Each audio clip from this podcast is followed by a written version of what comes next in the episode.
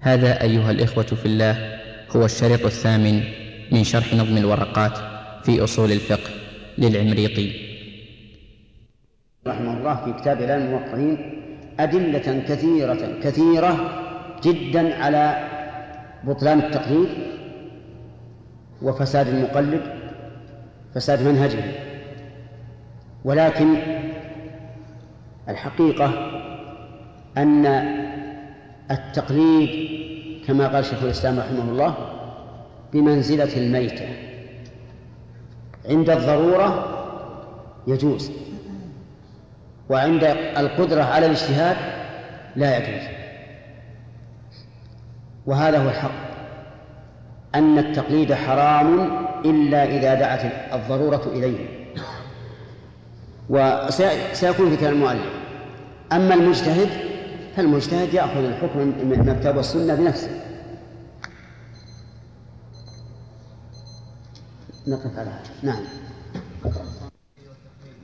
والفقه والفقه في فروع الشوارد وكل ما له من القواعد مع ما به من المذاهب التي تقررت ومن خلاف المثبت والنحو والأصول مع علم الأدب واللغة التي أتت من العرب قدرا به يستنبط المسائل بنفسه لمن يكون سائلا مع علمه التفسير في الآيات وفي الحديث حالة الرواة وموضع الإجماع والخلاف فعلم هذا القدر فيه كافي ومن شروط السائل المستفتي أن لا يكون عالما كالمفتي فحيث كان مثله مجتهدا فلا يجوز كونه مقلدا. طيب باب في المفتي والمستفتي والتقليد. ذكرنا أن الناس ينقسمون إلى قسمين مجتهد ومقلد. فالمجتهد من أمكنه الحصول على معرفة الحق بنفسه والمقلد من ليس كذلك.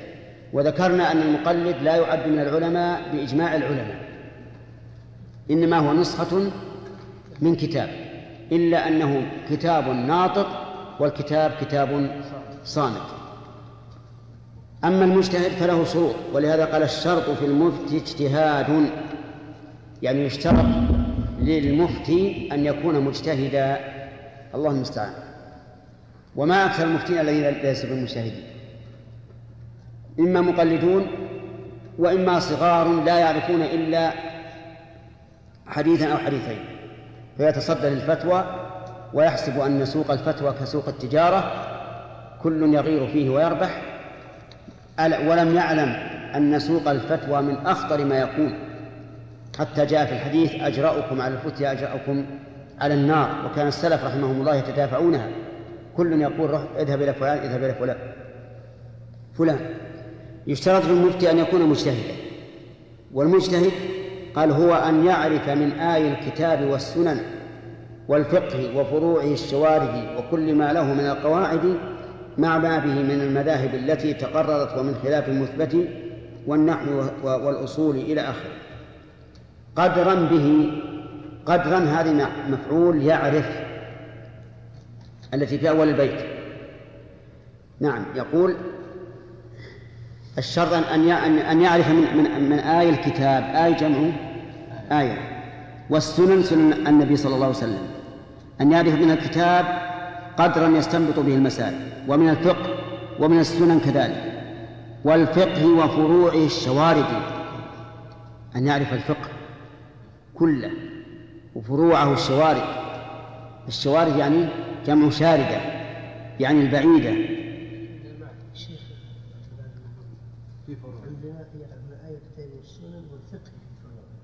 في فروعه؟ أي نعم. والفقه في فروعه. أنا قلت وفروعه. ها؟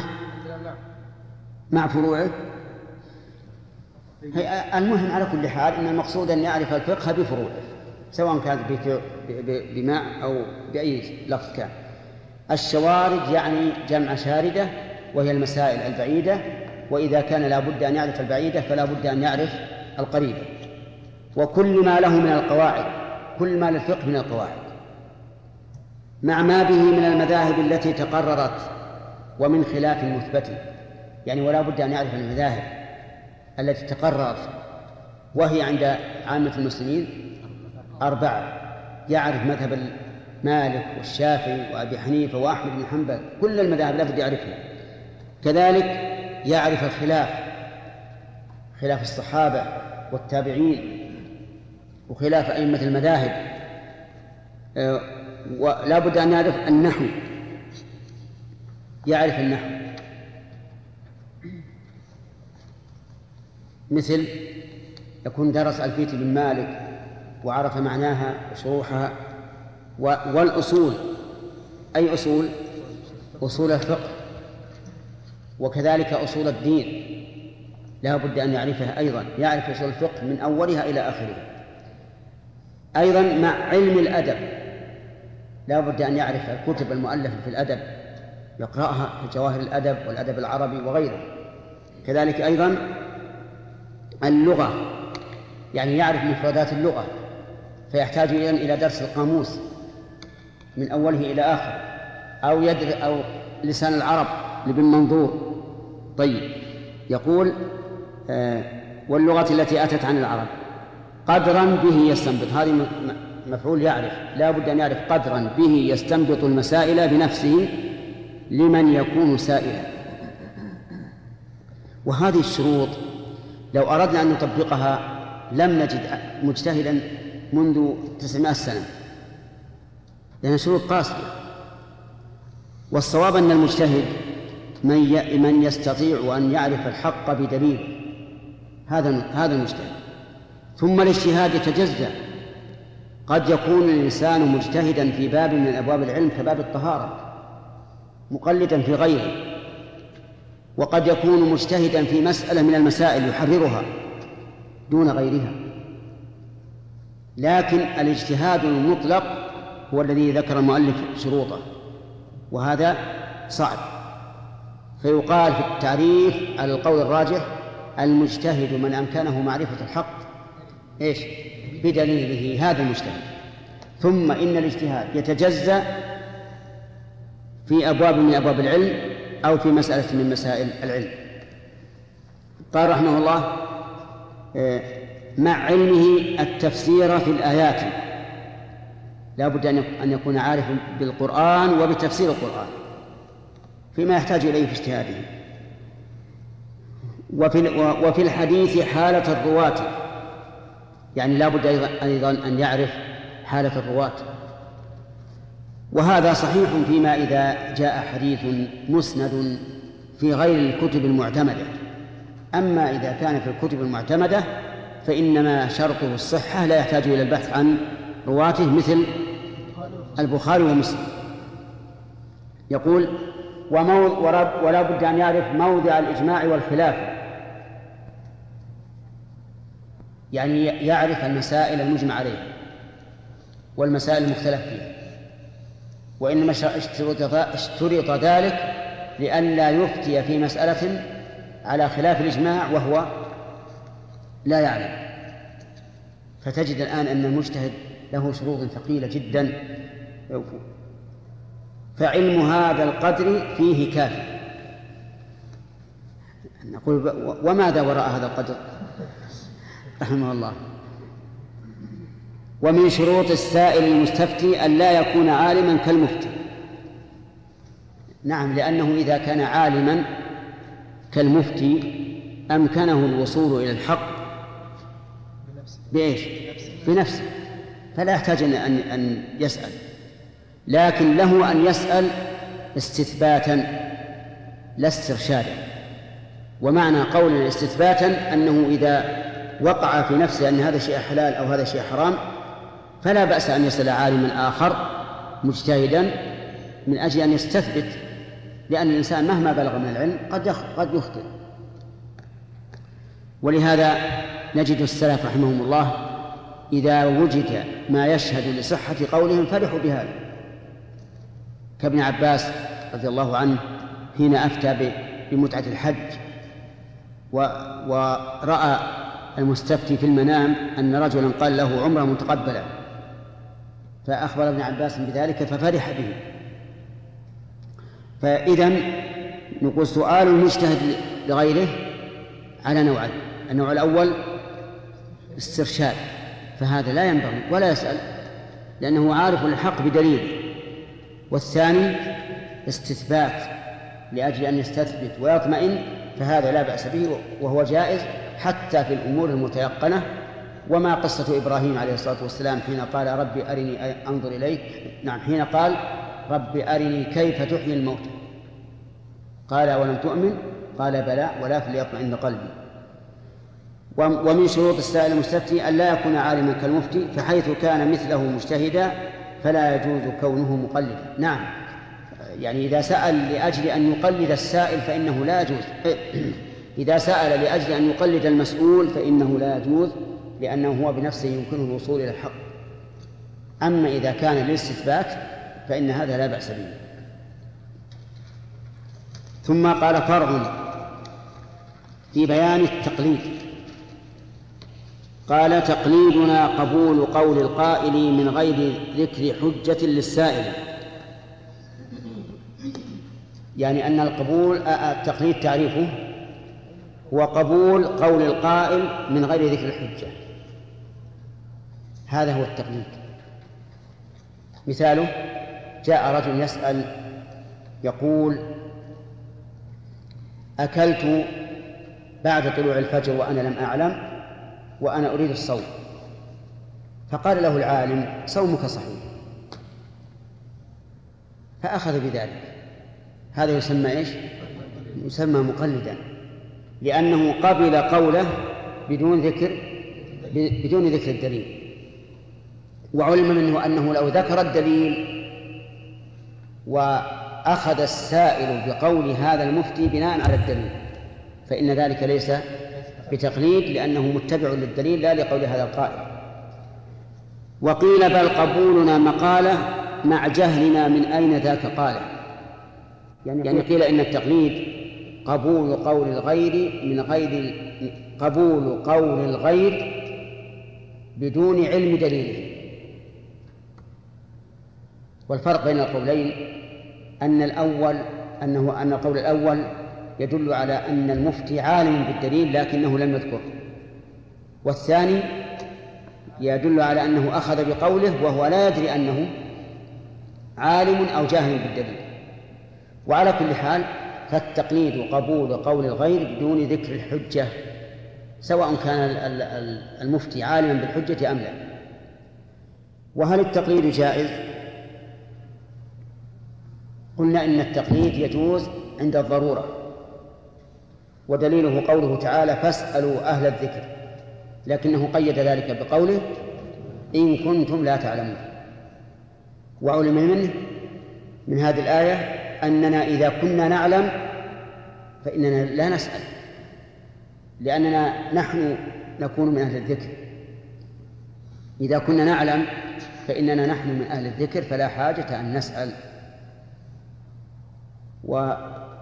والتقليد يجوز عند الضرورة كما قلت لكن يجب على المقلد إذا تبين له الأمر إذا تبين له الحق أن يدع التقليد. والذي أوجب للعلماء أي لبعض العلماء أن ينكر التقليد إنكارا تاما هو أن بعض المقلدة لا يقبل الحق أبدا.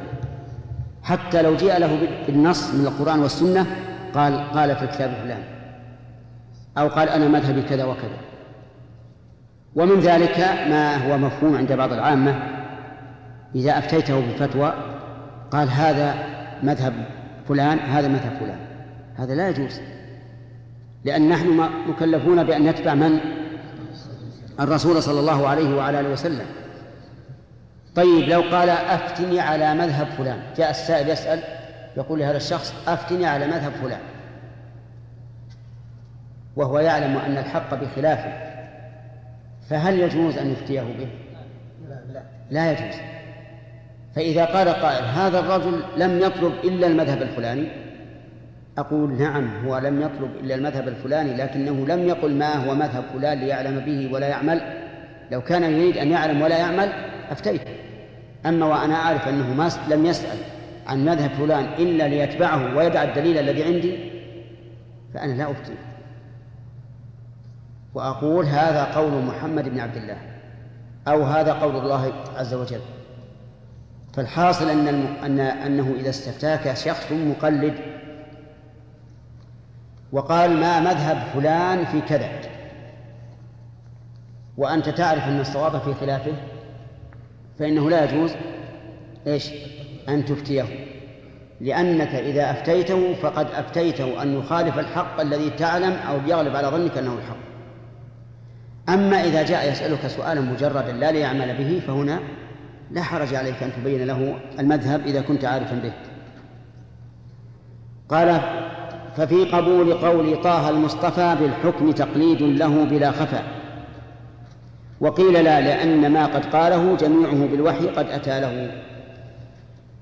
ففي قبول قول طه المصطفى سبق لنا أن كلمة طه ليست من أسماء الرسول صلى الله عليه وسلم. بل هي حرفان من الحروف الهجائية وأن الصحيح أن الحروف الهجائية التي في القرآن ليس لها معنى لكن لها مغزى وهو أن هذا القرآن الذي أعجزكم معشر العرب أتى بالكلم بالحروف التي أنتم آه، تقولون بها. المهم الأخذ بقول الرسول هل هو تقليد أو اتباع؟ لا شك أنه اتباع. لكن هل يصح أن نسميه تقليدا؟ إذا قلنا إن التقليد قبول قول القائل من غير ذكر الحجة صح أن نسميه تقليد لأن هناك أحاديث كثيرة يذكر الرسول صلى الله عليه وعلى آله وسلم فيها الحكم ولا يبين الحجة. ولكننا نقول إن النبي صلى الله عليه وعلى آله وسلم له شأن آخر. قبوله واجب قوله واجب القبول. وحكمه واجب القبول فإذا قال قولا أو حكم بحكم فإن أخذنا بذلك لا يسمى تقليدا بل يسمى اتباعا لقوله تعالى فاتبعوه. وقوله قل, إن كنتم تحبون الله فاتبعوني. ولا ينبغي أن يسمى تقليدا لأنه يوهم أن الرسول صلى الله عليه وعلى وسلم تابع لغيره وليس متبوعا. ثم قال فصل في الاجتهاد نقف عليه. نعم.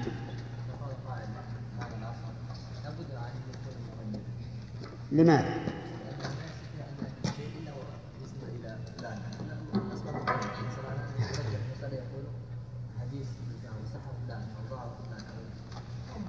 لو قلنا بهذا لكان كل العلماء مقلدين. كل العلماء. لأن لأن مستند الأحاديث على الرواة والقول في الرواة تجريحا أو تعديلا لا نجرحهم أو نعدلهم إلا تقليدا ولكن الأمر بخلاف ذلك.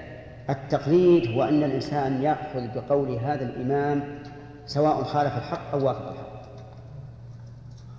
هذا التقليد المذموم.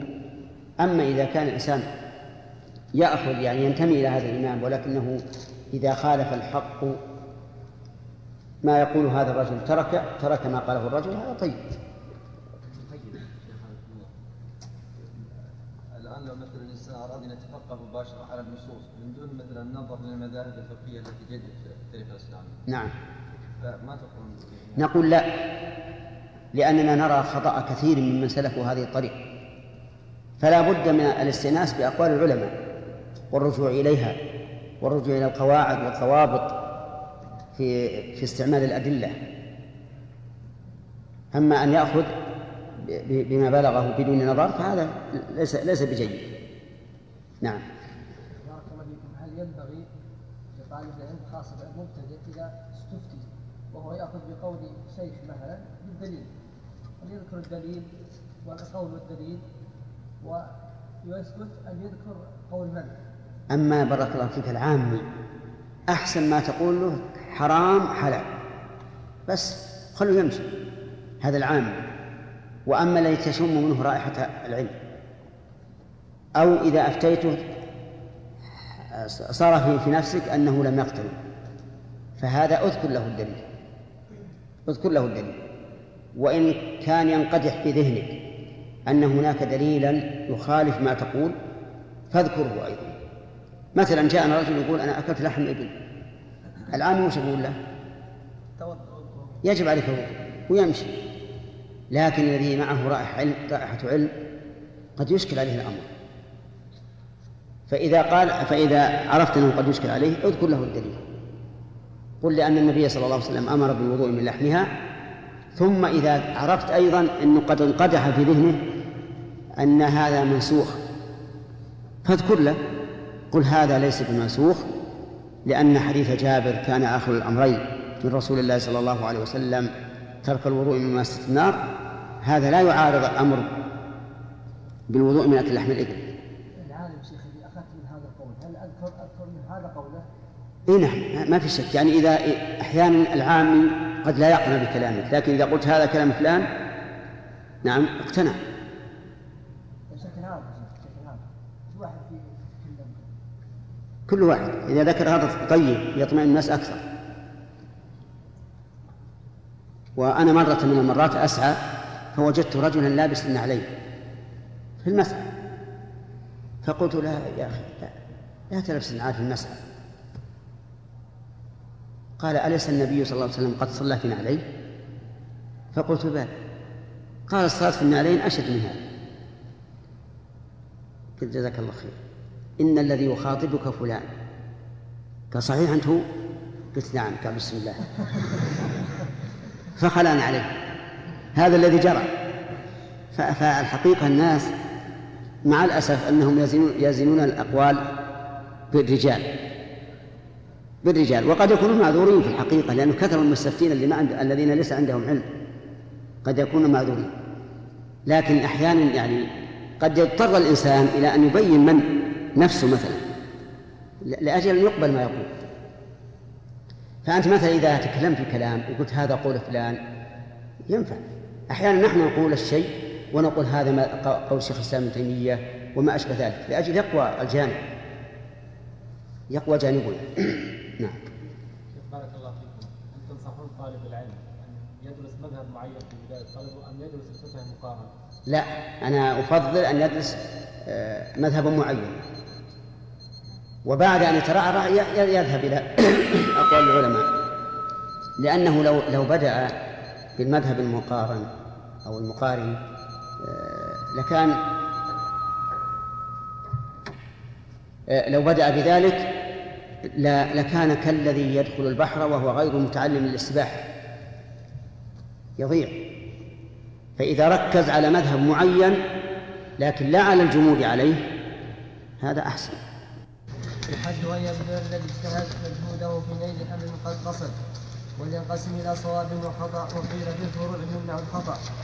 وفي أصول الدين ذا الوجه امتنع فيه تصويب لأرباب البدع. من النصارى حيث كف حيث كفرا كلسوا والزاعمون أنهم لم يبعثوا أو لا يرون ربهم بالعين كذا المجوس في الدعاء كذا المجوس في ادعاء الأصلين. كذا المجوس في ادعاء في ادعاء الأصلين.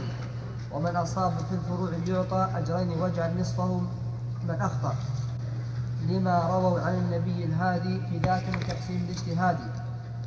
وتم نظم هذه المقدمة أبياتها في العدل در محكمة في عام طاء ثم ضاء ثم فاء. ثاني ربيع شهر وضع ثاني ربيع. ثاني ربيع شهر وضع المصطفى فالحمد لله على إتمامه ثم صلاة الله مع مع سلامه على النبي على النبي وآله وصحبه وحزبه وكل مؤمن به. صلى الله وسلم عليه. بسم الله الرحمن الرحيم قال المؤلف رحمه الله تعالى فصل في الاجتهاد. الاجتهاد مصدر اجتهد وهو عن الاجتهاد في اللغة بذل الوسع لإدراك أمر شاق بذل الوسع يعني بذل ما يستطيع لإدراك أمر شاق إذن فلا بد من شيء شاق يبذل فيه الجهد. وعلى هذا فإذا حملت هذه الحقيبة فأنا مجتهد. لا. لا. لماذا؟ ليس شاقا. ولو حملت حجرا على قدر جسمه فهو أمر شاق. فهو أمر شاق يسمى اجتهاد. يقال اجتهد في حمل الحجر ولا يقال اجتهد في حمل الحقيبة لأن حمل الحقيبة ليس شاقا وحمل الحجر شاق. أما في الاصطلاح فقال المؤلف وهو أن يبذل وهو أن يبذل إيش؟ وحده نعم. وحده أن يبذل الذي اجتهد مجهوده في نيل أمر قد قصد. يعني بذل الجهد لاستخراج حكم شرعي. المؤلف رحمه الله أتى بهذا التعريف الذي قد يشمل التعريف اللغوي أنه أن يبذل الذي اجتهد مجهودة في نيل أمر قد قصد. يعني بذل الجهد لإدراك حكم شرعي. هذا هو الاجتهاد. أن تبذل جهدك لإدراك حكم شرعي وذلك بمطالعة الكتاب والسنة وأقوال الصحابة وأقوال الأئمة. وتبذل الجهد فهو يحتاج إلى جهد ومشقة لإدراك أمر شرعي. أما الاجتهاد لإدراك أمر غير شرعي كإدراك صناعة إدراك بناء إدراك أشياء أخرى فإنه لا يسمى اجتهادا في الاصطلاح وإن كان اجتهادا في اللغة. ثم قال ولينقسم إلى صواب وخطأ.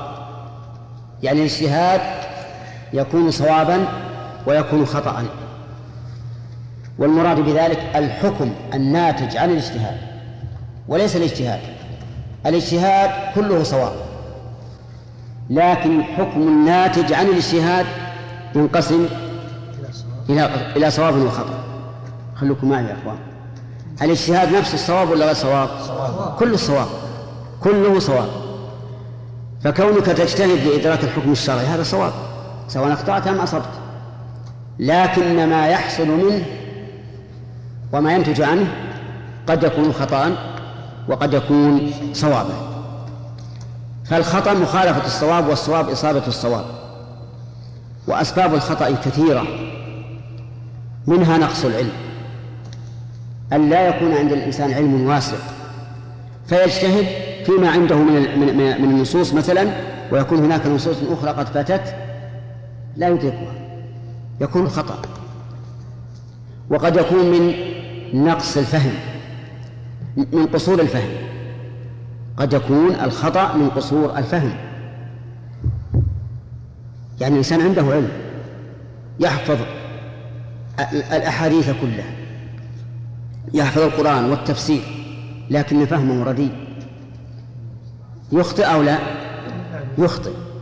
طيب فإن كان ناقص العلم قاصر الفهم فهو أقرب إلى الخطأ من مما لو انفرد ب- بأحدهما. الثالث قد يكون الخطأ لسوء القصد والنية يعني لسوء النية والقصد. وذلك بأن لا يكون مراد الإنسان إلا أن يغلب قوله قول غيره. لا أن يصل إلى الصواب. ينتصر لنفسه لا, لا للحق. فهذا يحرم الصواب. هذا يحرم الصواب. ولذلك لا بد من تحسين النية وإخلاصها. بأن يكون قصدك بالاجتهاد إيش؟ الوصول إلى الحق لا أن تنتصر لنفسك.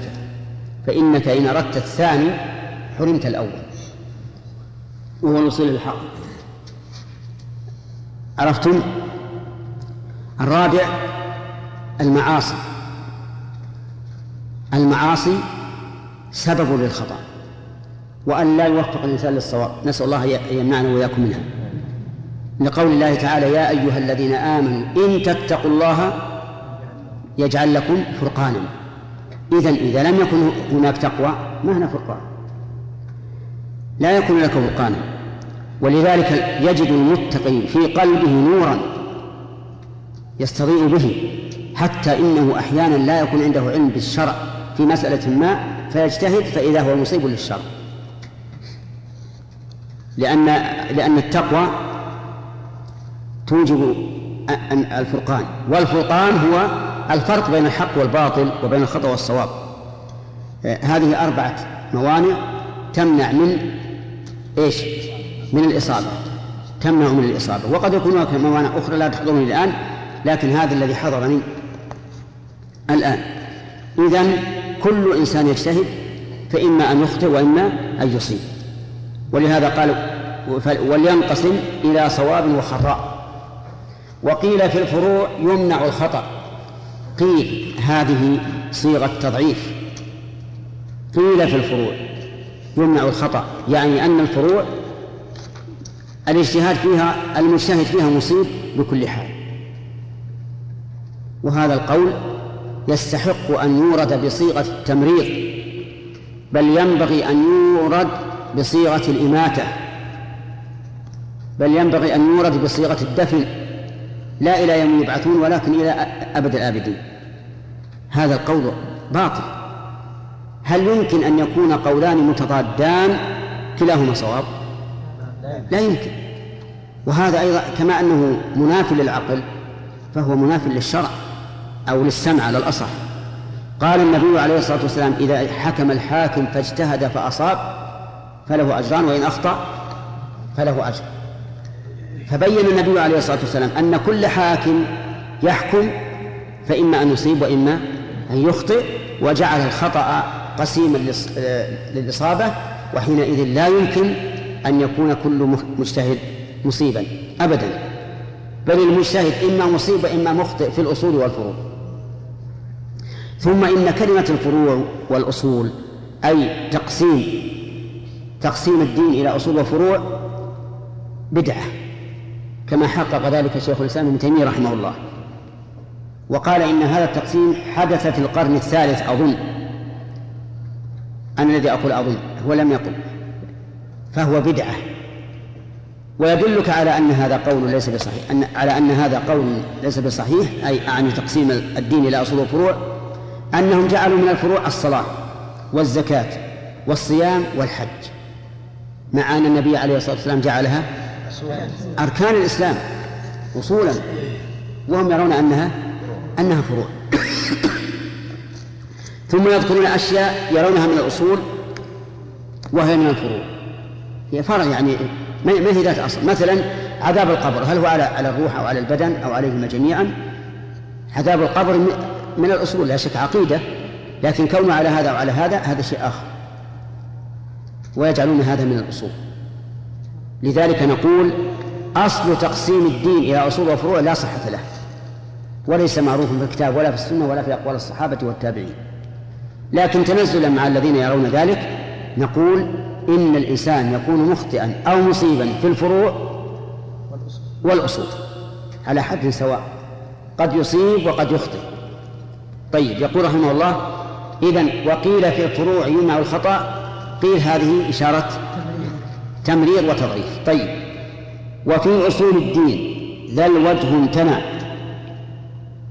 وفي أصول الدين ذا الوجه امتنع.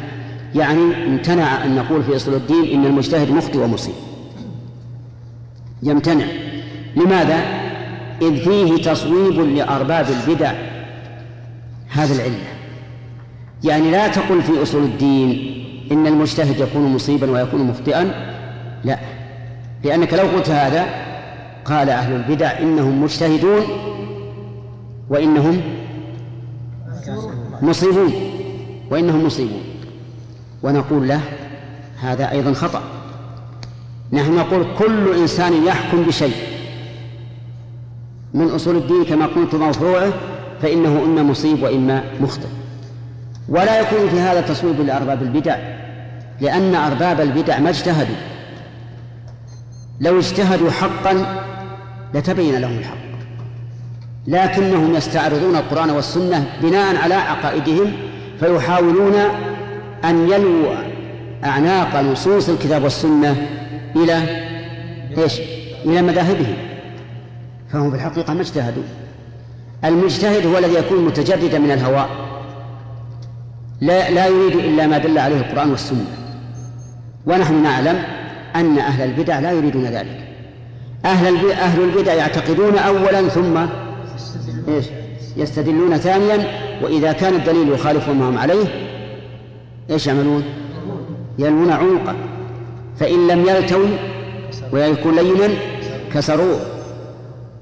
كسروا فكيف نقول إن إننا إذا قسمنا الحكم إلى الاجتهاد إلى صواب وخطأ؟ في الأصول إن ذلك يكون تصويبا لأرباب البدع. أبدا ليس تصويبا لأن أرباب البدع أتموا لم يجتهدوا أصلا. لو اجتهدوا لكانوا بشرا ولا كانوا كأهل- كالسلف لكنهم ما اجتهدوا. حكموا عقولهم أولا وقالوا يجب أن تحول وتحال النصوص إلى ما دل عليه العقل. ولهذا من أصولهم أنه لا يثبت من صفات الله إلا ما دل عليه العقل.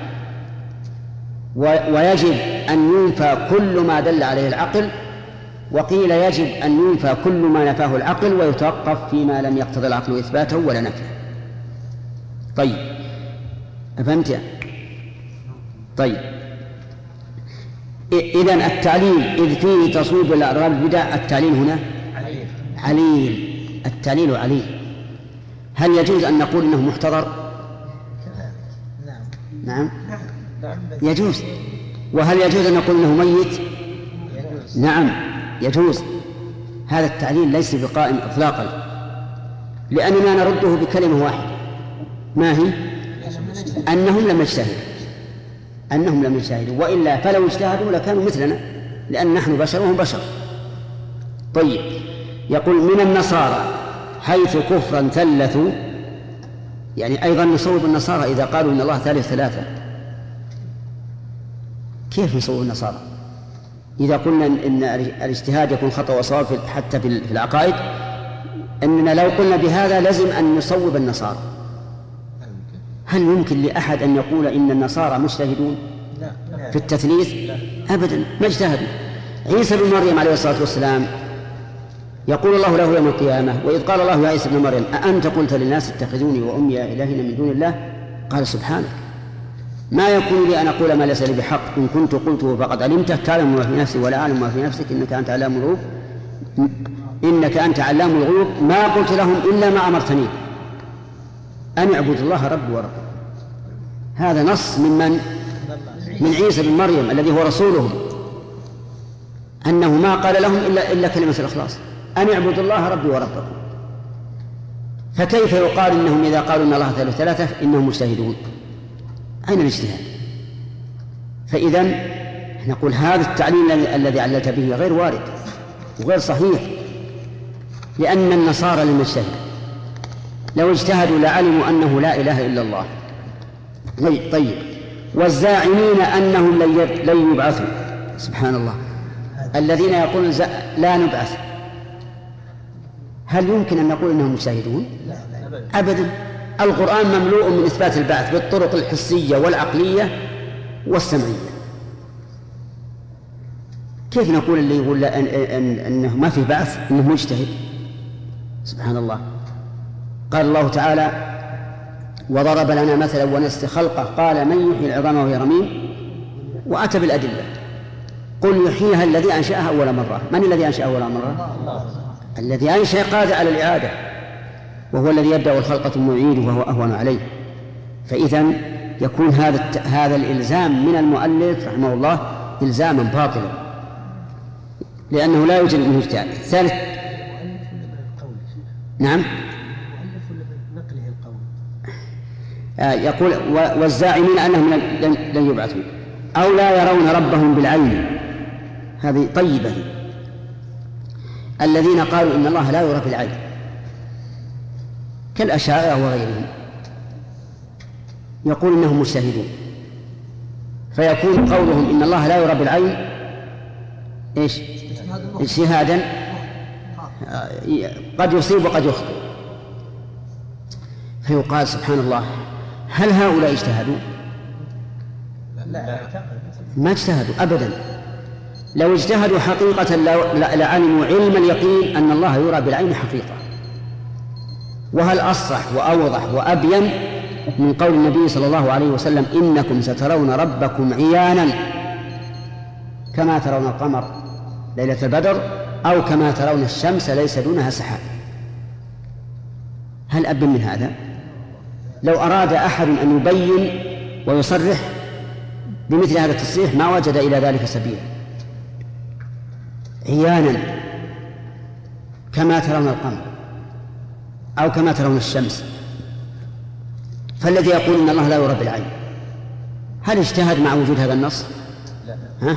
أبدا ما اجتهد ولهذا ذهب بعض السلف إلى أن من أنكر رؤية الله بالعين فهو كافر خارج عن الملة لأنه مكذب إذ أن النص لا يحتمل التأويل وتأويل ما لا يحتمل التأويل هو نفس النفي. إذا أولت شيئا لا يحتمل التأويل هذا هو النفي. أرأيت لو لو إنسان جاء, جاء أتى إليك بخبزة وقال سم الله كل فأخرجت القلم لتكتب وقلت هذه ورقة ما هي خبزة؟ يصح هذا التأويل ولا ما يصح؟ ما يصح؟ لا يصح أن يؤول الخبزة بالورق لماذا؟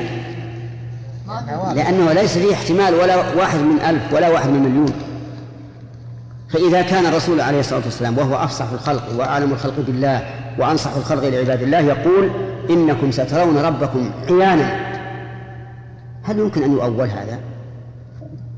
تأويله إنكاره وتكذيبه ومن ثم قلت لكم إن بعض العلماء بعض السلف قال من أنكر رؤية الله في الآخرة فهو كافر لماذا؟ لأنه لا يحتمل. إيش؟ لا يحتمل التأويل. طيب. كذا المجوس في ادعاء الأصلين. أيضا هذه نفس الشيء. يقول لو قلنا أن الاجتهاد يكون صوابا وخطأ في الأصول لزم أن أن يكون قول المجوس في الأصل بالأصلين يحتمل أن يكون خطأ وأن يكون صوابا الأصلان عند المجوس هما النور والظلمة. النور يقولون هو خالق الشر الخير. والظلمة خالق الشر. وهذا غير صحيح. غير صحيح. طبعا غير صحيح. لأننا نجد أحيانا الخير الكثير في الليل ولا نجد خيرا في النهار. وفي هذا يقول المتنبي وكم لظلام الليل عندك من يد تحدث أن المانوية تكذب. المانوية الذين يقولون إن الظلم الظلمة لا تأتي إلا بالشر. يقول أنت تعطي العطايا بالليل تدل على إيش؟ على أن المانوية كذابة. فالحاصل أن المجوس يقولون الخير إله الخير هو النور وإله الشر هو الظلمة طيب هل يمكن أن نقول هؤلاء يحتمل أن يكون صوابا وخطأ لا هو نقول ما اجتهدوا أصلا؟ وإحنا ونحن نقسم الصواب والخطأ نقسم الاجتهاد. والمجوس ما اجتهدوا حتى يوصلهم اجتهادهم إلى هذا. عباد البقر يرون البقرة يقول هذه إله. نعم ويتبركون ببولها وروثها. ويقول هذا هو الإله هل هل نقول هؤلاء إما مصيبون أو أو مخطئون؟ لا لماذا؟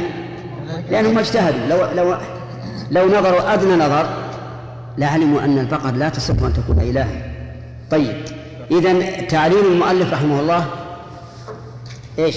عليه وعلى هذا فالصواب أن الاجتهاد يكون فيما يدعى أنه من أصول الدين أو من فروع الدين ويكون في كل شيء لكن الشأن كل الشأن هل أنت اجتهدت أو لا؟ هذا هو الشأن. ثم قال ها؟ إيش؟ الوقت انتهى. ما سمعت الوقت انتهى. أنا فاهم جزاك الله خير. خلينا نكمل. بقي درس في درس النهاية. إذا سمعت هذه لا تقول الوقت انتهى. خلاص أنا أنا اعلم قال ومن أصاب في الفروع يعطى أجرين واجعل نصفه من أخطأ. من أصاب في الفروع فله أجران. سبحان الله. من أصاب في الفروع. بناء على إيش؟ على أن الأصول ما فيها اجتهاد. ولكن الرسول عليه الصلاة والسلام أطلق. إذا حكم الحاكم فاجتهد. والحكم يكون بين خصمين ويكون في, في, في نفس القلب. في الاعتقاد. على كل حال نحن نقول من اجتهد فأصاب فله أجران. ومن اجتهد فأخطأ فله أجر. أما من اجتهد فأخطأ فله أجر فمعنى ذلك أنه يؤجر على اجتهاده ويعفى عنه خطأه. خليكم معنا. الخطأ معفو لا شك. لأن ثبوت الأجر له يعني عدم الوزن. وأما الأجر فلأنه بذل الجهد وتعب وأراد الحق لكن لم يوفق. نقول هذا له أجر. على أي شيء؟ على اجتهاده خطأه ليس عليه أجر ولا ولا وزر. لا يؤجر عليه ولا يؤجر عليه. معفو عنه وهذا عام في الأصول والفروع لكن الشأن كل الشأن يا إخواننا هو في الاجتهاد. هذا هو الشأن. حتى في الفروع لو أن الإنسان قصر في الاجتهاد ثم أفتى أو أو حكم فهو فهو غير غير مأجور. غير مأجور. لأنه لم يجتهد الاجتهاد التام. طيب إذا اجتهد فأصاب فله أجران. الأجر الأول عن اجتهاده وبذله الجهد وتعبه في الوصول إلى الحق. الأجر الثاني إصابة الحق. لكن قد يقول قائل إصابة الحق ليس من من فعله بل من توفيق الله له. فيقال عن هذا جوابان. الجواب الأول أن إصابته للحق دليل على أنه بذل جهدا جهيدا في الوصول إلى الحق. والثاني أن في إصابة الحق إظهارا للحق وبيانا للحق ينتفع به الناس ويعتمدون عليه فيكون في هذا أجر. فلذلك جعل النبي عليه الصلاة والسلام للمجتهد إذا أصاب جعل له أجرين. يقول واجعل نصف من أخطأ لما رووا عن النبي الهادي في ذاك من تقسيم الاجتهاد. لما رووا أي العلماء. وإن شئت فقل رجال الحديث. وإن شئت فقل أئمة التخريج وأئمة التأليف. المهم أنه ثبت عن النبي عليه الصلاة والسلام أنه قسم المجتهد إلى إيش؟ إلى قسمين مخطئ ومصيب وأن للمصيب أجرين وأن للمخطئ أجر أجر واحد. وقول الهادي. أي الهدايتين؟ هداية الدلالة. لأن رسول الله صلى الله عليه وسلم هاد للخلق يدلهم على الحق. لكن لا يملك أن يوفقهم للحق. وإنما الذي يملك أن يوفق للحق هو رب الحق عز وجل. هو الله سبحانه وتعالى. هو الذي بيده أزمة الأمور وبيده الهداية والتوفيق. ولهذا كم حرص النبي كم حرص النبي صلى الله عليه وسلم على أن يهتدي عمه أبو طالب ولكن لم يوفق.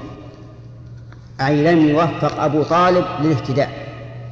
إلى آخر نفس من أنفاسه وهو يدعوه إلى التوحيد ولكن أبى والعياذ بالله وندم الرسول على ذلك وحزن. ولكن الأمر بيد الله.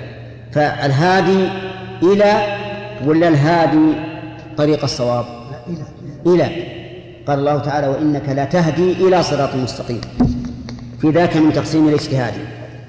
وتم نظم هذه المقدمة. تم نظمها. وقول هذه المقدمة يعني أنها كالتقدمة لما كتبه إمام الحرمين من الورقات.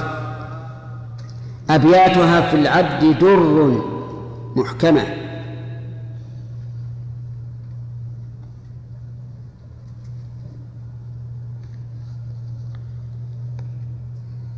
طيب أبياتها في العبد در محكمة. طيب يعني إذا أردت أن تعرف كم عدد أبياتها فإنها در. در فقط محكمة تكميل. كم در في, في الأبجدية؟ الر مئتان والدال؟ أربعة. إذا مئتان وأربعة أبيات. كذا يا عبد الله. تعرف الأبجدية؟ وش ما هي؟ كمل. أول.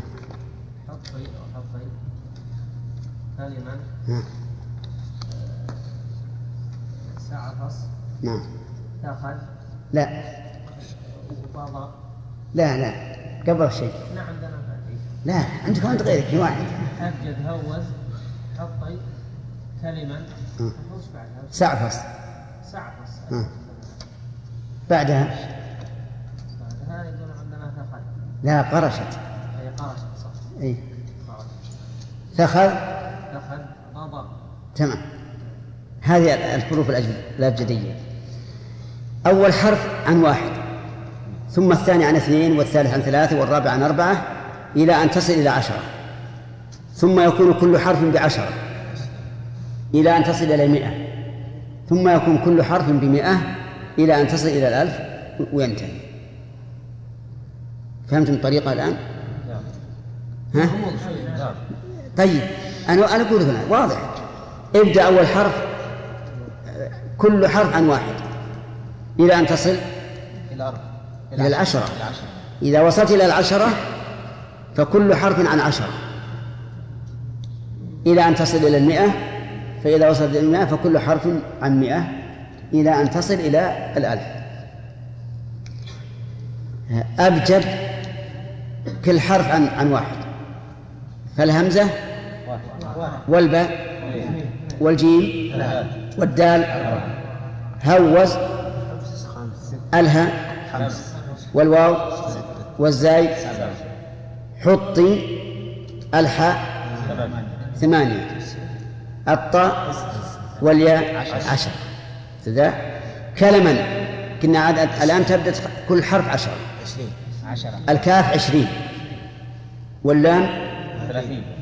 والميم والنون والسين والعين والفاء والصاد ساعة القاف مئة. ال- العشريات. آه، قرش عرة مئتين. والشين ثلاثمائة. والتاء أربعمائة. والساء والخاء والذال والضاد والضاء والغين ألف. كذا؟ هذه. قراءة؟ هذه إيش؟ حطي كلما. سعفص قرشت. ثخذ. ثخذ أي ثاء خاء ذال ضضغ ال- الأولى ضاد والثانية ضاء هذه. نعم. كيف تكتب؟ ضبط هم يكتبون أبجد هذه هوز كلمة. حطي كلمة. كلما الكاف واللام والميم والنون جميع. سعفص السين والعين والفاء والصاد. جميع. آه، سعفص قرشت. معروف. قاف وراء وشين وتاء. تاء مفتوحة. تخذ أيضا جميع. ضباغ جميع. ضاد ثم ضاء ثم غين إيه. طيب وين شئت فردها. حط ألف وحدها والباء وحدها المسألة ما هي مشكلة كلما. غين آخر كلمة الغين غين ضضغ المشالة الأولى ولا الثانية؟ ها؟ المشالة الأولى ولا الثانية؟ ضاد ضاء. هذا اللي قلت لك طيب. إذا در بناء على هذا نقول الراء كم؟ ما يبقى القاف مئة والراء مئتين. طيب. والدال أربعة. إذا مئتين وأربعة. في عام طاء ثم ضاء ثم فاء. نفس الشيء 989 ها؟ 989 كم؟ 989 نعم تسعمية نعم والآن 900 900 تسعة كيف؟ تسعة آه، تسعة عاد عدوها أنتم دام أشوف أنتم أجدتم ولا لا؟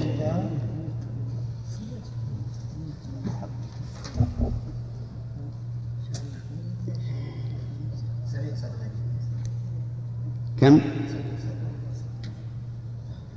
طاء السمين كذا؟ صحيح. الطا تسعة. والضاء تسعة.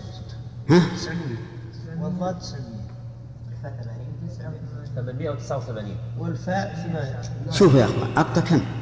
تسعة. تسعة. في عام طاء في عام طاء ثم ضاء. ضاء 900 هذه 909 طيب. ثم فاء 80 989 989 ثاني ربيع شهر الم... آه، ثاني ربيع شهر وضع المصطفى. يعني في ثاني ربيع الأول. كذا.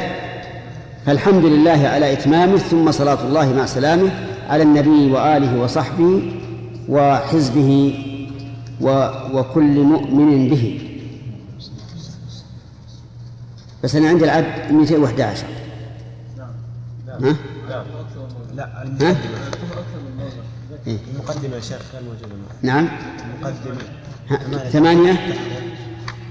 ويبقى 205 سبعة. ثمانية. ثمانية؟ إذا صارت مسألة تقريبية يبقى 205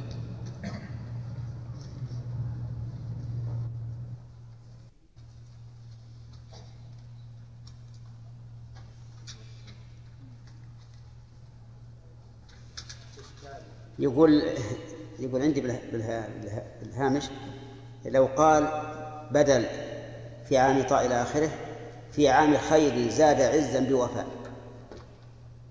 في عام خير زاد عزا بوفاء يقول لكان أحسن. يصير نفس العدد. شيخنا رحمه الله حين عمر الجامع قال تاريخه حين انتهى قول المنيب اغفر لنا. والشهر في شوال يا رب تقبل سعينا نعم. يقول تاريخه حين انتهى. قول المنيب اغفر لنا. اغفر لنا. والشهر في شوال يا رب تقبل سعينا أول البيت الأول جد جد بال بالمنى جد بالرضا واعطي المنى من شاركوا في هذا في ذا البناء تاريخ ثلاث أبيات والحمد لله رب العالمين وصلى الله وسلم على نبينا محمد وآله وصحبه أجمعين. الآن الحمد لله انتهينا في هذه الدورة من الورقات. وسننتهي إن شاء الله من النخبة فنكون قرأنا كتابين في فنين وهذه السفرية سابقة نعم نعم إيش؟ لا المعروف عنهم إنهم لا يثبتونها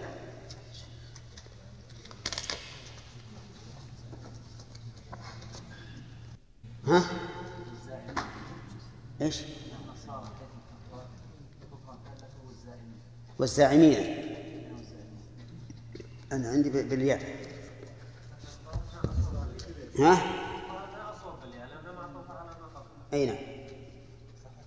من النصارى والزاعمين. أي نعم. نعم. الأخ. إذا ح... نعم. نعم. اي ما في شيء.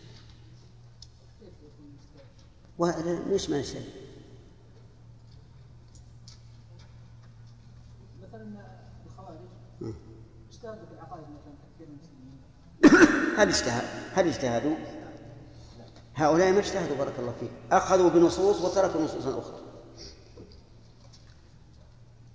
لو اجتهدوا هل هل يكون الكبيرة مخرجة من الملة والله يقول وإن طائفتان من المؤمنين اقتتلوا فأصلحوا بينهما إلى أن قال إن من المؤمنين إخوة فأصلحوا بين أخوين الشأن كل شأن في الاجتهاد. ليس كل من قال إني مجتهد يكون مصيبا. لو كان كل مجتهد ي... ي... لو كان كل إنسان ي... ينحل نحلة يقول أنا مجتهد لكان النصارى مصيبين وغيرهم أيضا مصيب من أهل البدع.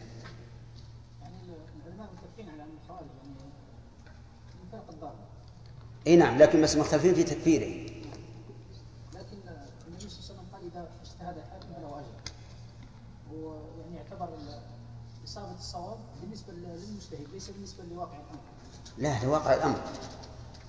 لأن المجتهد كل مجتهد يدعي أنه اجتهد وأخذ بما أداه إلى اجتهاده يقول انه مصيب. أنا لو أعلم أني مخطئ ما قلت بهذا القول. المراد فأصاب أو أخطأ في نفس الأمر. يعني أصاب حكم الله أو أخطأ حكم الله. من؟ إحنا نسأل الآن هل اجتهدوا أم لا؟ يعني هم في أنفسهم بقرارة أنفسهم يعتقدون أنهم لكن نحن نعتقد إنهم ما اجتهدوا. كل أهل البدع نقول ما اجتهدتم.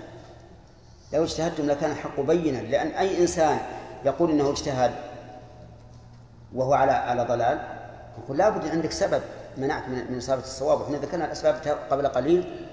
كم؟ أربعة. أربعة غالب أهل البدع أصيبوا بالهوى وسوء القصد. نعم يا أخ حط كلمة كلمة اللي حسب الحرف الأول 20 والحرف الثاني بعد 20 أي هي أو الحرف الأول 10 واللي بعد 20 والثالث 30 مو قلنا آه، أبجد هوز حطي الي عشرة الكاف عشرين. واللام ثلاثين كل حرف بعشرة نعم عبد الله بالنسبة لما يتعلق بالاصول مثلا ويقال مثلا ادلتها متواتره وادلتها أيضا مثلا صحيحه حتى ليست متواتره يعني تعتبر ادلتها مثلا قطعيه فما يكون مثلا هذه الادله التي مثلا تفيد غلبه الظن مثلا يعني فرضية الصلاة فرضية الحج فرضية الصيام. كاليوم الآخر مثلا ادلتها مثلا يعني قطعيه فيما يظهر هذه مثل هذه الأمور ما يشعر بها مثلا الاجتهاد لأن ادلتها واضحه تم الاجتهاد مو بارك الله فيك. كون الشيء قطعيا أو ظنيا ترى اعتباري. يعني مثلا أنا قد أقول هذا الحديث دل على كذا وهو عندي قطع وعند آخر ظني الا إلا الأمور الواضحة مثل البعث وابتداء الخلق وما أشبه ذلك. انتهى الوقت. بسم الله الرحمن الرحيم. آه، ما هو تعريف القياس؟ موسى. موجود. إلحاق فرع بأصل. لا با- باقي واحد. لا قبل العلم الجامعة أسقطت كلمة.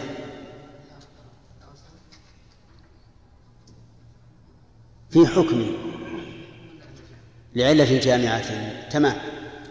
آه، ما اسم الأصل؟ إيه؟ الحاق فرع بأصل. أو ما هو الأصل؟ الأصل هو المقيس. الأصل هو المقيس والفرع هو المقيس عليه. ها؟ إذن الأصل هو الفرع. طيب. آه هاتي مثالا فأجري فيه القياس. ورد النص على ان الربا ان الربا يجوز الجوز نعم. فلو قسنا الفرع أو الأوز على لا تقول أو أعطنا مثال محدد. فنقول ان الأرز الاوز يجب فيه الربا نعم قياسا على القول بالعله وهي ال-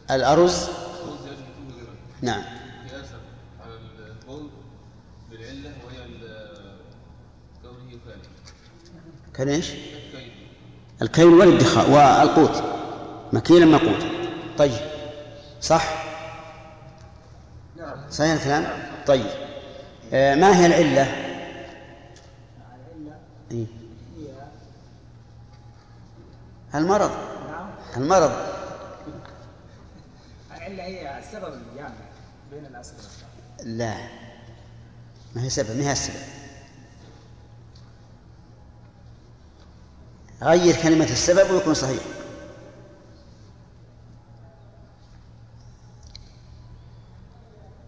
وجه التشابه لا. لا. ليش؟ كم؟ الوصف المناسب للحكم. الوصف المناسب للحكم هذا هو ال- العلة. طيب. آه، كم أقسام القياس؟ علي؟ علة. قياس علة. قياس دلالة أولى. أولي لا. قياس علة. وقياس؟ دلالة. نعم. قياس علة وقياس دلالة وقياس شبه قياس شبه أحسنت ما هو قياس العلة؟ قياس العلة نعم.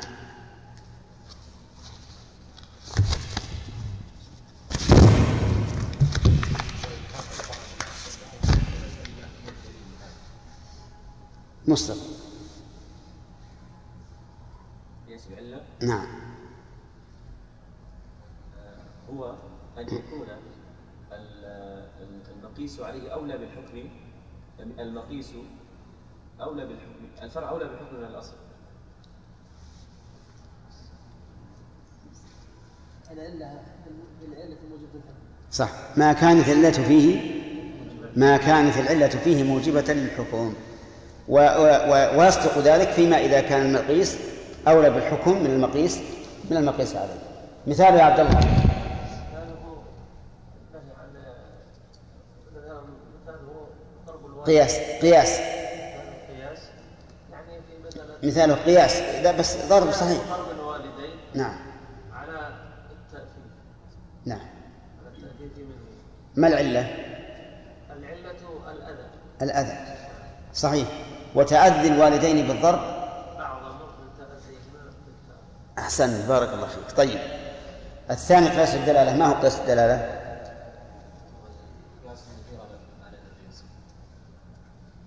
لا بأس هذا طيب لكن نريد لأن القياس هذا باعتبار العلة ما كانت العلة فيه؟ ما كانت العلة فيه؟ قياس الدلالة.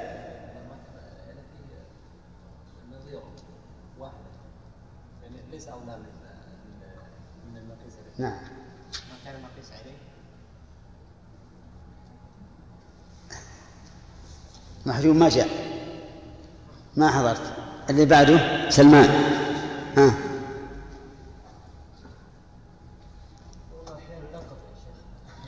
شيخ مهاوش ما هو قياس الدلالة؟ بعده. بعده قياس الدلالة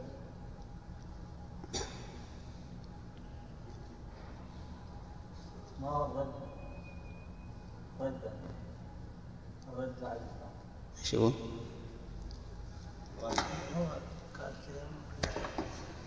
مشكلة. ما كانت فيه دالة على الحكم لا موجبة. أحسن. ما كانت العلة فيه دالة على الحكم لا موجبة له. وذلك كقياس النظير على على نظيره. تمام. مثاله مثل آه، وجود- إيجاب الزكاة في مال الصبي قياسا على إيجابه في مال آه، في مال البالغ بجامع النماء أو النمو في كل منهما. وكذلك قياس الرز على البر. بعده الأخ ما حضره أنت؟ آه، قياس الشبه.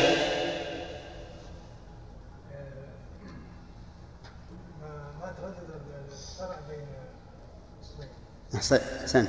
أن يكون الفرع مترددا بين أصلين فيلحق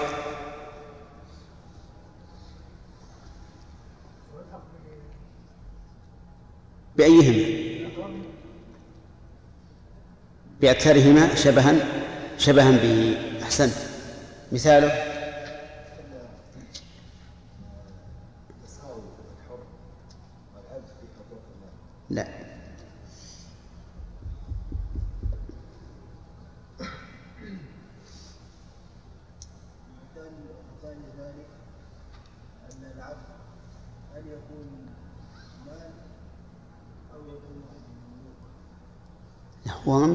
مكملا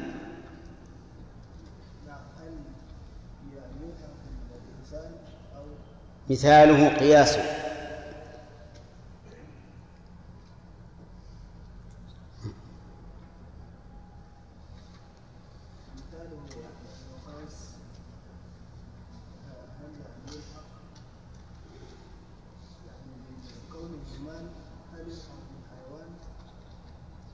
قياس إيش؟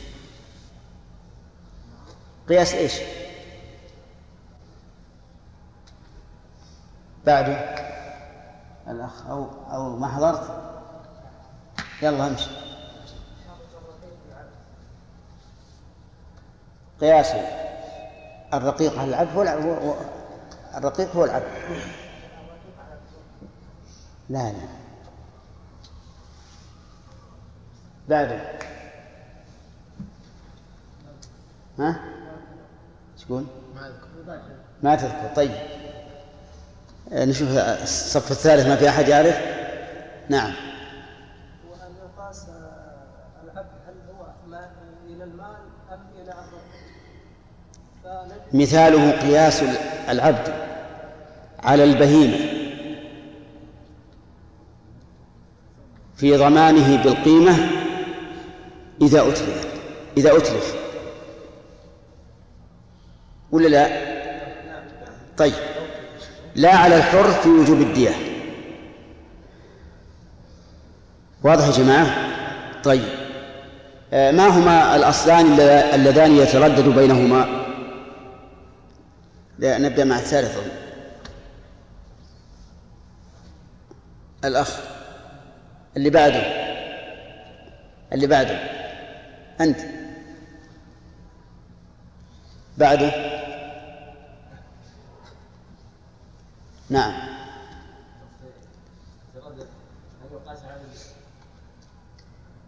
الحكمين مختلفين هل العبد على على على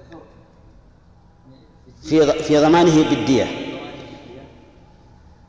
أو أو على البهيمة في ضمانه بالقيمة. طيب أحسنت. فنلحقه بماذا؟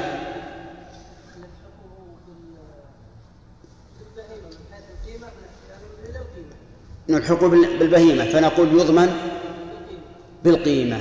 طيب اذكر اللي بعده. اذكر وجه المشابهة بينه وبين الحر وبينه وبين البهيمة. ها؟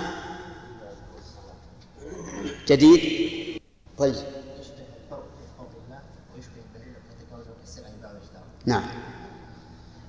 يلحق يشبه الحر في حقوق الله في عامتها يعني ويشبه البهيمة في كونه مالا يباع ويشترى ويرهن ويوقف إلى آخره. وأي وأيهما أكثر شبها؟ بأيهما أكثر شبها؟ نعم. فيضمن؟ بال- بالقيمة أحسنت. طيب. ما الذي يترتب على هذا الخلاف من الناحية الفقهية لو قتل عبدا فإن ب- بالحر لا لا خطأ كلامنا الآن إي نعم إذا كان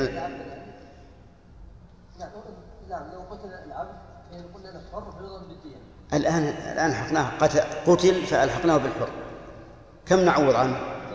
كم؟ طيب. وهذا العبد يساوي خمسمائة من الإبل حتى وإن كان يساوي خمسمائة من الإبل نعم لأن لأن دية الحر مائة من الإبل ولو كان يساوي مئات الآلاف طيب وين ألحقناه بالبهيمة؟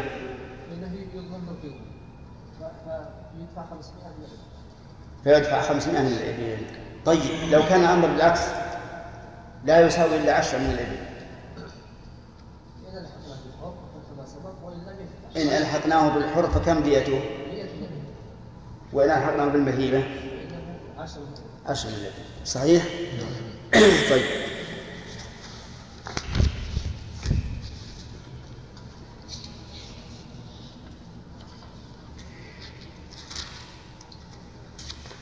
طيب يشترط في العلة في باب القياس سعد تكون مضطردة في- معلولاتها ما معنى الاضطراد؟ الاضطراد أي تكون مضطردة أي قابلة مثل أصبر لا تمثل لأني يطمك وش معنى الاضطراد؟ الاضطراد نعم. عكس وش معنى الاضطراد؟ يمكن عكس كذا يقول يقول ما هو كذا أيضا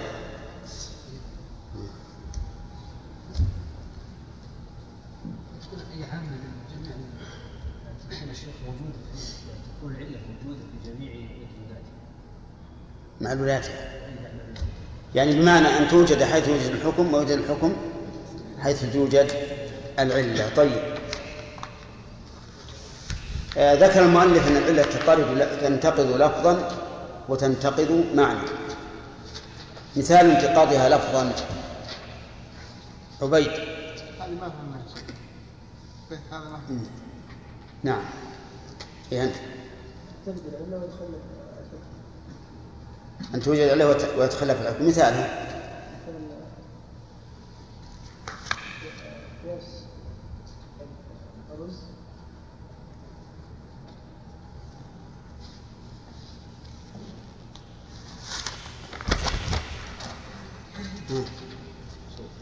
مثال انتقاد العلة لفظا هو القياس القتل بالمثقل على على القتل بالمحدد علل هي العمد لأنه وال- لو قال يقتل القاتل بالمثقل كما يقتل القاتل بالمحدد بجامع أن كل منهما عمد بماذا ينتقد؟ ينتقد عليهم بأن ال- الوالد لا يقتل الوالدين. نعم مع أنه مع أنه عمد طيب. هذا انتقاد لفظي مثال الانتقاد في المعنى. سامح. نعم تجب الزكاة في في الحيوان آه، للفقراء ها؟ تجب تجب زكاة الحيوان للنماء. ولا تجب في ال- في الجواهر لعدم النماء. لا. يبقى عن البيع. ها. يبقى عن البيع بعد صلاة الجمعة. قال أنا لا قلنا أنه عن الربا تملك والبيع كذلك تملك وهي مبتدأ بمعنى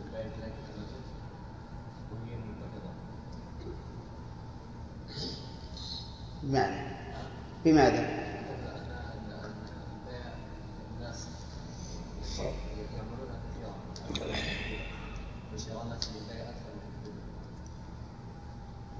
ما هو ما هو صح المثال يا شيخ.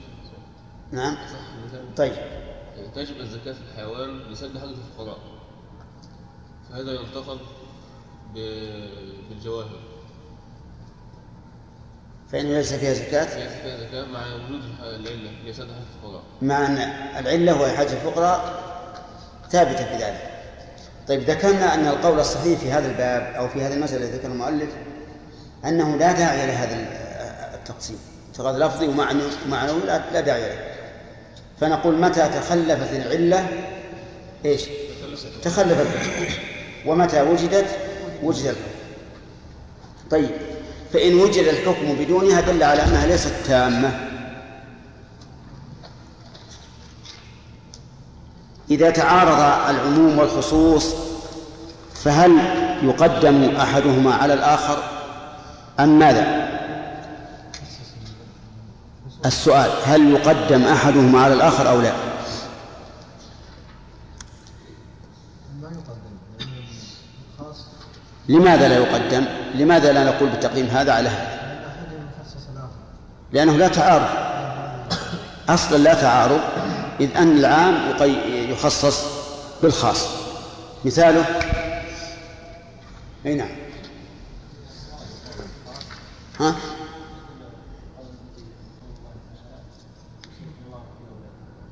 نعم. في قوله تعالى يوصيكم الله في أولادكم وفي الحديث يعرف المسلم الكافر والكافر المسلم. إذن في أولادكم يعني غير المخالفين لكم في الدين. يعني تكون هذا العام هذا العموم مخصصا بالحديث الدال على التخصيص. طيب. أمر النبي صلى الله عليه وسلم من مس ذكره أن يتوضأ وسئل عن من مس ذكره أعليه الوضوء فقال لا إنما هو بضعة منك. فظاهر الحديثين التعارض فما العمل؟ محجوب. ما العمل؟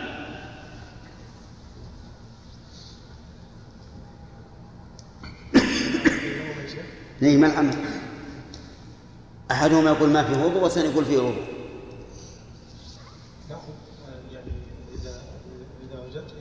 بشهوه العلم هنا يعني الشهوه إذا كان الذكر بشهوه ف- فيكون ف- فيكون فيكون ناقض الوضوء وإذا كان مسه من دون شهوة فليس ناقض ما وجه هذا التفصيل وأنه تصير ال- القياس إيش؟ يعني قسنا هذا على ال- قسنا هذا على هذا على يعني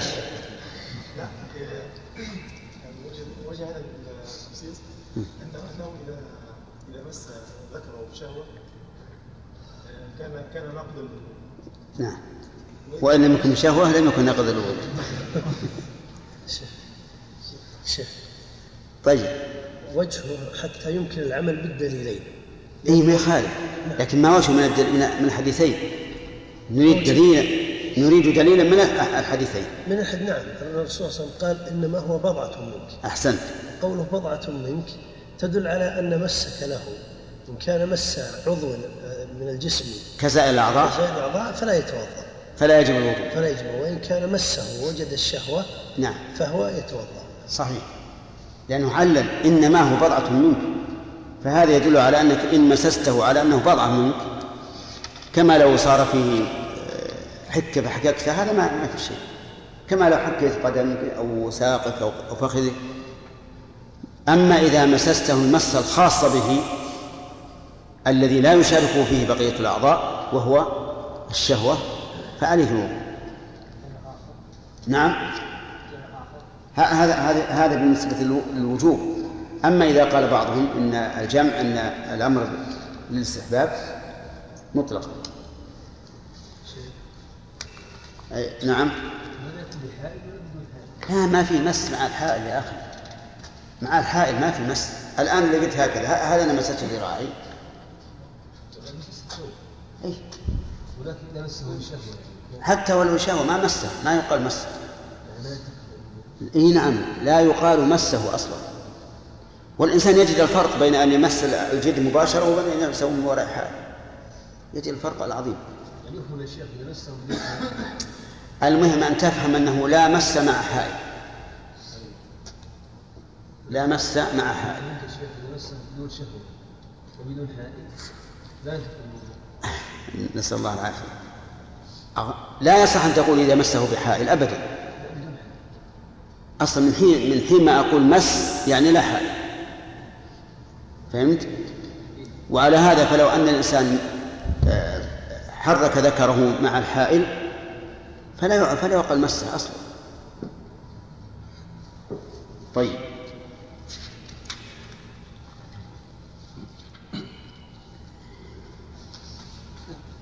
ما هو ما هي دلالة الاستصحاب؟ دلالة الاستصحاب.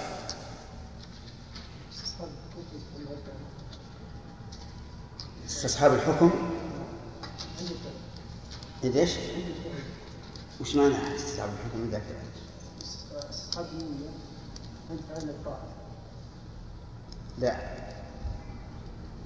الحكم هذا يعني إذا كان واجب أن ينوي أنه يفعل مثل الوضوء لا لا مو هذا. استصحاب الأصل بمعنى أن نبقى على ما كان أن, أن يبقى الشيء على ما كان عليه طيب إذا قلنا يا عبد الله الأصل في الأشياء التحريم ثم شككنا في شيء فهل نتجنبه أو لا؟ نعم استصحابا وإن قلنا أصل الحل لا نتجنبه ها؟ نعم. لا نتجنبه لا نتجنبه طيب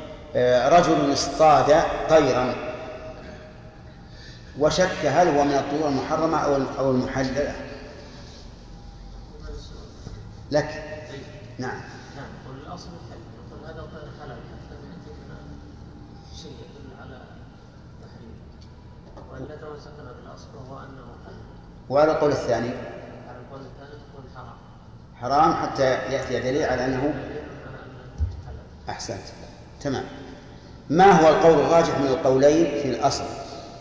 القول الثاني الذي هو أن الأصل في الأشياء الحلم نعم ما دليله أدلة كثيرة منها من القرآن الكريم هو الذي خلق لكم ما في الأرض جميعا. ومن العقل أيضا أن الله سبحانه وتعالى خلق هذه الأشياء وسخرها وجعل أمامنا فلا يمكن أن نقول أن الأصل فيها التحريم وهي مسخرة. نعم. أحسنت. سؤال. نعم. نعم. ذكرت حفظكم الله أن إذا اشترط شرط ليس في كتاب الله إيش؟ إذا اشترط شرط ليس في كتاب الله نعم. فلا. عبرة به فلا فلا عبرة به نعم. طيب في مس الذكر اشترط أنه يكون بشهوة نعم. هذه غير موجودة غير موجود هنا فيه غير موجود. في الحديثين ها؟ من مس ذكر فلا توضأ. نعم. الحديث الثاني إنما هو منه نعم. هذا التعليل ما يدل على المعنى؟ الآن الإنسان لو مسس لو, إنسان ضرب من استبهامي لشهوة هل يمكن هذا؟ وهل تثور شهوته إذا إذا مس لا ها؟ لكن لو مس ذكره. تثور الشهوة إذا مس ذكره؟ على حسب الحال. إن مسه لحاجة كما كحكة أصابته وما أشبه ذلك ما. ما تثور الشهوة. أو لت- لتوجيهه عند البول ما ما, ما يكون شهوة. لكن لو لو مسه الشهوة معروف. يجد تلذذ. أليس كذلك؟ إذا مسست الذكر لشهوة تجد تلذذ بلا- شك. إذا مسست الإصبع بشهوة لو تملأ بطنك وراسك من الشهوة ما ما يصير شيء. أليس كذلك؟ هذا. فإذا مسه على أنه كمس سائر الأعضاء فهذا لا وضوء فيه. وإذا مسه لشهوة وجب الوضوء لأن ولأن الشهوة مظنة الحدث لا سيما عند عند الرجال الذين يمذون. الذي يمذي لا يكاد تثور فيه الشهوة إلا أمذي نعم. أصحاب البدع ما أصحابي البدع نعم. ما نعم. فما ما, ما يحتج علينا بأقوالهم طيب يرد علينا علماء المسلمين اللي ظلوا في بعض أبواب العقيدة يعني في الأسماء والصفات نعتذر لهم نقول يعني كيف نعتذر لهم؟ مثلا بعض علماء المسلمين اللي ظلوا في باب العقيدة نقول أخطأوا. ما نقول اجتهدوا فأخطأوا. علم إذا أثبتنا لهم اجتهادهم لكن أخطأ. هم يقولون إن إن المسألة في العقائد ما يمكن تقول فيها مخطئ مسلم بخلاف الفروع. إحنا نقول كل حتى العقائد فيها مخطئ وفيها مصيب فإذا قالوا هذا يلزم علي- عليه أن أن نصوب أهل البدع قلنا ما ما, ما يلزم. لأنهم لو لو اجتهدوا تمام الاجتهاد لتبين الحق. نفس الشيء أصحاب البدع اجتهدوا؟ لا ما اجتهد ما اجتهد اجتهد واحد يقول له استوى إن الله استوى على العرش. قال معناه استولى. هو مجتهد هذا. لو أعمل أدنى اجتهاد عرف ان قوله باطل. وهل الإنسان اللي يقول الله معنا في كل مكان؟ إن كنا في الحجرة ففي الحجره في السطح ففي السطح في الخلاء ففي الخلاء في المسجد ففي المسجد هل هذا مجتهد؟ ما هو مجتهد. لكن يرد علينا قول علماء يعني كبار بعض علماء السلف لا أخطأوا في العقيدة نحن نقول مجتهدين وأخطأوا نعم نقول مجتهدين واخطاوا بمعنى لا لو لا لو أنهم اجتهدوا حق الاجتهاد ما لا اصاب لأن كثير منهم معاند في في أهل البدع. نعم. الشيخ بالنسبة للاجتهاد ما له ضوابط؟ يعني مثلا بلى له ضوابط. لا لا- له ضوابط. أن يكون الإنسان عنده قدرة ذاتية وقدرة كسبية. لأن بعض الناس عنده قدرة ذاتي- ذاتية وذكي ويعرف الفوارق والجوامع لكن ما عنده علم. هذا لا يمكن يجتهد.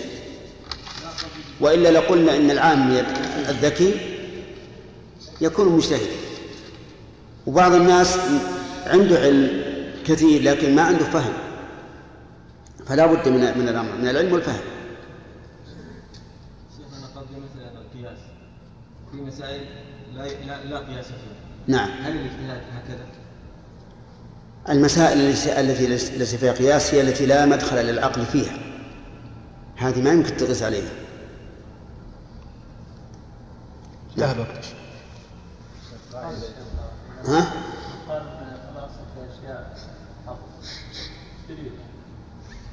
يقول لأن إحنا ما علمنا ذاك اليوم؟